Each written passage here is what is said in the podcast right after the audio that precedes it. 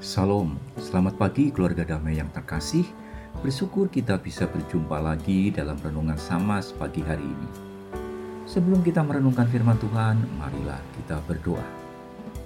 Tuhan, mampukan kami untuk mengerti sebagian firman-Mu. Datanglah roh kudusmu agar kami mampu membuka hati dan pikiran kami. Biarlah hanya Engkau sendiri yang dimuliakan. Amin. Renungan pagi hari ini kita mengambil tema apa yang aku minta melalui doaku. Ayat yang menjadi dasar renungan ini adalah dari Matius 4 ayat 7 sampai 11 dan kita fokus pada ayat yang ketujuh. Mintalah maka akan diberikan kepadamu. Carilah maka kamu akan mendapat ketoklah maka pintu akan dibukakan bagimu. Keluarga damai yang terkasih, saya berasumsi kita semua sangat familiar atau kenal dengan ayat tersebut. Ayat ini begitu memberikan harapan bagi umat Kristen karena kita diberi hak untuk meminta sesuatu kepada Allah. Satu ayat mengandung tiga pasang unsur dan mempunyai persamaan makna. Meminta, maka akan diberi. Mencari, maka akan mendapat. Dan ketuklah pintu, maka akan dibukakan. Kelompok kata yang pertama merupakan usaha kita di dalam melakukan atau memohon. Dan yang kedua menggambarkan apa yang akan kita terima. Pertanyaannya adalah apakah yang kita terima selalu apa yang kita minta. Contoh, kalau kita sakit, kita berdoa untuk sembuh. Apakah yang kita terima pasti kesembuhan? Atau kita sedang punya masalah dan minta ke Tuhan untuk memberikan jalan keluar? Apakah pasti Tuhan langsung menunjukkan jalan keluar? Keluarga damai yang terkasih, kita harus sangat hati-hati ketika berdoa dan meminta kepada Tuhan. Doa meminta sebaiknya penuh dengan pertimbangan. Pertama adalah iman kita. Kita masih ingat ketika ada seorang wanita sakit pendarahan dan menyentuh ujung jubah Tuhan Yesus, dan dia langsung sembuh. Dan respon Tuhan Yesus adalah, Teguhkanlah hatimu, hai anakku, imanmu telah menyelamatkan engkau. Imanmu telah menyelamatkan engkau. Dari Matius 9 ayat 22. Tuhan melihat bahwa iman wanita yang kuat itu menjadi unsur sangat penting untuk menerima penyembuhan.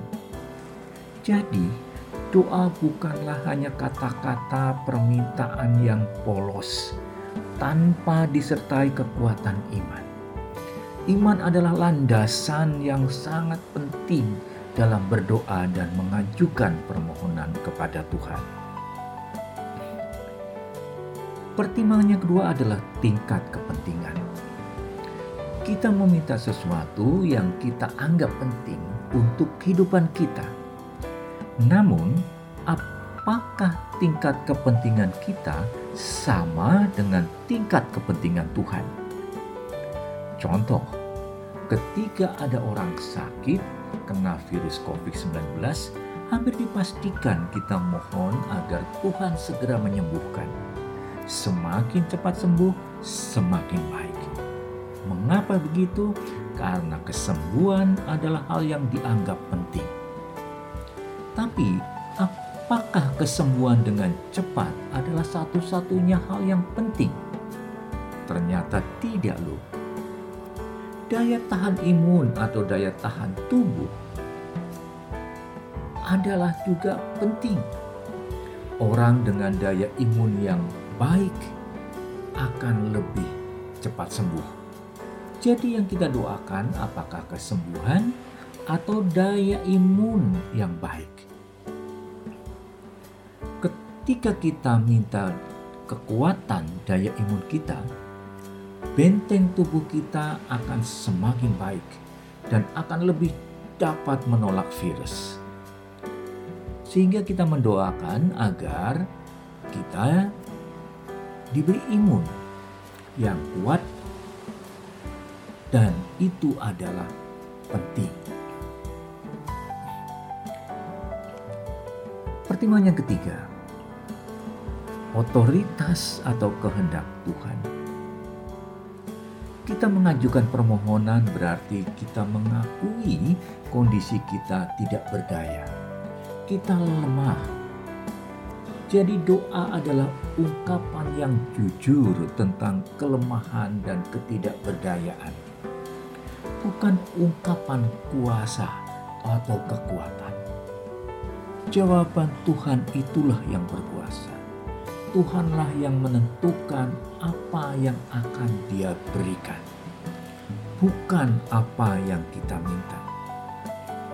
Sangat mungkin yang diberikan Tuhan tidak sama dengan apa yang kita minta.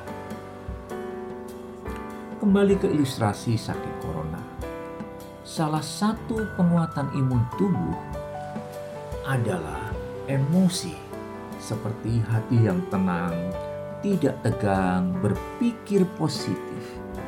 Jadi, apa yang kita minta ke Tuhan, imun tubuh atau sikap menerima dan mampu mencari hikmat di balik sakit itu.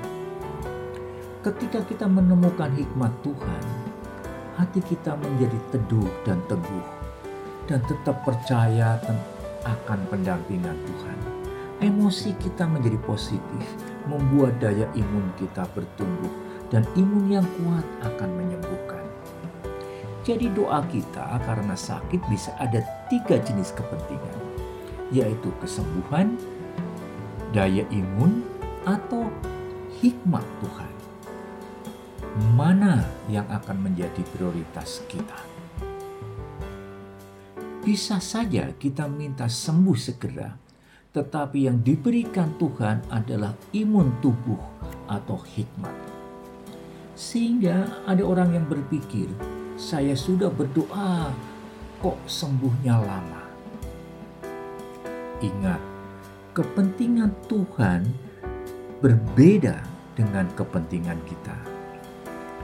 Keluarga damai yang terkasih, kita ingat doanya Salomo. Dia minta sesuatu yang sangat penting. Hikmat dalam membuat keputusan. Seperti yang tertulis di satu Raja-Raja 3 ayat 9. Maka berikanlah kepada hambamu ini hati yang paham menimbang perkara untuk menghakimi umatmu dengan dapat membedakan antara yang baik dan yang jahat dan sebagai pemimpin, kemampuan mengambil keputusan adalah hal yang sangat-sangat penting. Dan itulah yang diminta oleh Salomo. Tingkat kepentingan Salomo disetujui oleh Tuhan. Dan Tuhan memberikan apa yang Salomo minta. Tingkat kepentingan Tuhan sama dengan tingkat kepentingan Salomo marilah kita terus mencari hikmat Tuhan agar semakin mengerti apa yang akan kita minta melalui doa-doa kita. Kita minta mencari dan mengetuk pintu yang tepat seperti yang Tuhan kehendaki dari hidup kita. Mari kita berdoa.